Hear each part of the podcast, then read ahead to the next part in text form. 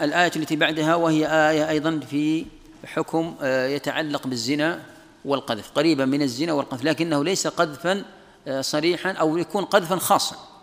يكون قذفا خاصا. وهو قول الله سبحانه وتعالى والذين يرمون الرمي هنا القذف. والذين يرمون أزواجهم ولم يكن لهم شهداء إلا أنفسهم فشهادة أحدهم أربع شهادات بالله إنه لمن الصادقين. والخامسة أن لعنة الله عليه إن كان من الكاذبين ويدرأ عنها العذاب أن تشهد أربع شهادات بالله إنه لمن الكاذبين والخامسة أن غضب الله عليها إن كان من الصادقين. هذا في حكم القذف إذا كان من قبل الزوج لامرأته. إذا إذا قذف الرجل امرأته له حكم خاص. ما نقول إذا قذف الرجل امرأته ما نقول لهذا الرجل البينة أو حد في ظهرك. ما نقول لهذا الرجل إذا إذا إذا إذا اتهم امرأته بالزنا ما نقيم عليه حد القذف. لماذا؟ لأنه في الغالب أنه لا يقذف امرأته. وهي فراشه وهي زوجته ها؟ ويعني معه في حياته. لا نقول أنه لا يقذفها أبدا إلا إذا وجد أمارات وشكوك وريب حول المرأة فإنه يقذفها. ولذلك الله أعطاه حكم خاص سترا عليه. يعني لا حتى يستر عليه وعلى زوجته ولذلك أعطاه الله حكم خاص وهو حكم اللعان أنه إذا اتهم زوجته بالزنا فإنه يحضر أمام القاضي هذا الرجل الذي اتهم وقذف امرأته بالزنا فإنه يحضر هو والمرأة. ثم يبدأ به كما قال الله سبحانه وتعالى والذين يرمون أزواجهم ولم يكن لهم شهادة. ما عنده الشهداء ما عنده أربعة يشهدون على أنه لو كان عنده أربعة يشهدون لأقيم لأقيم حد الزنا على المرأة. لو شهد أربعة على أن هذه المرأة وقعت في الزنا والزوج معهم لأقيم حد لأقيم حد الزنا عليها. لكنه ليس عنده شهود ورآها أو أنه شك بأن رجال يدخل أو رجل يدخل عند أو هي تدخل عند رجل أو كذا أو هناك علامات يعني دلت على ذلك.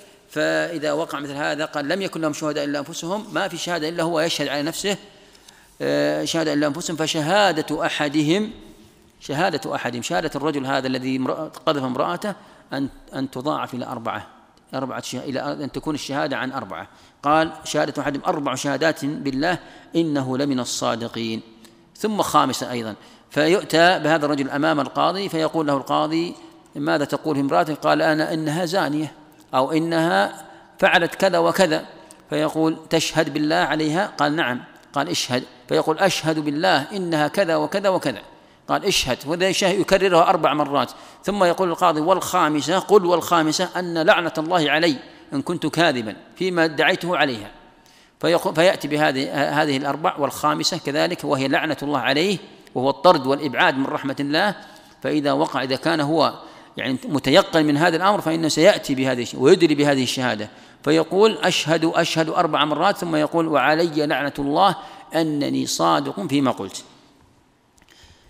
قال ثم بعد ذلك يلتفت القاضي إلى هذه المرأة التي أحضرت واتهمت بالزنا فيقول لها الآن سيقام عليك حد الزنا لأن الرجل هذا أقام أربع شهادات.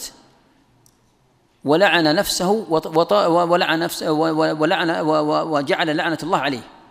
فأنت سيقام عليك. هل عندك شيء؟ قالت لا. وأنا بريئة مما يدعيه. فيقال تشهدين؟ تقول نعم أشهد. فتشهد أربع شهادات بالله إنه لمن الكاذبين. أشهد بالله أنني بريئة وأنني طاهرة وأنه ما اتهمني به زوجي بريئة منه. أشهد بالله وتشهد أربع شهادات. ثم يقال يقول لها القاضي في الخامسة ويقول لها قولي غضب الله غضب الله علي. غضب الله علي إن كنت كاذبة وهو صادق فيما يقوله. فتقول ذلك. والغضب أشد.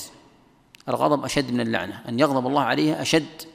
من اللعنة. ولذلك جاء في جانبها لأن هي المتهمة والرجل غالبا أنه لا يتهم هذه المرأة فيكون الغضب في حقها إن كان هو من الصادقين ثم يفرق القاضي بينهما تفريقا أبديا.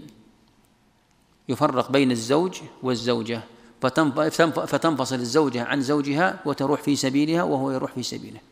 ولا يجتمعان أبدا ولا يجتمعان أبدا. وإن كان هناك حمل فلا يلحق بأبيه.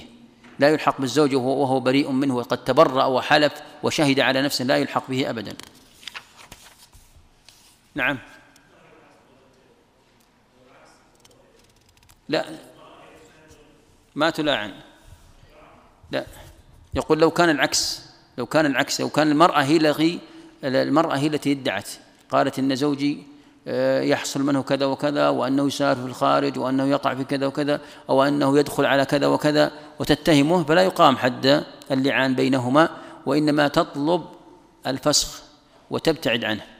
فإذا قالت أن هذا رجل يقع في هذه الجريمة وأنا لا أستطيع أن أعيش معه فترفع قضيتها إلى القاضي فيفسخ يفسخها منه وتخرج منه.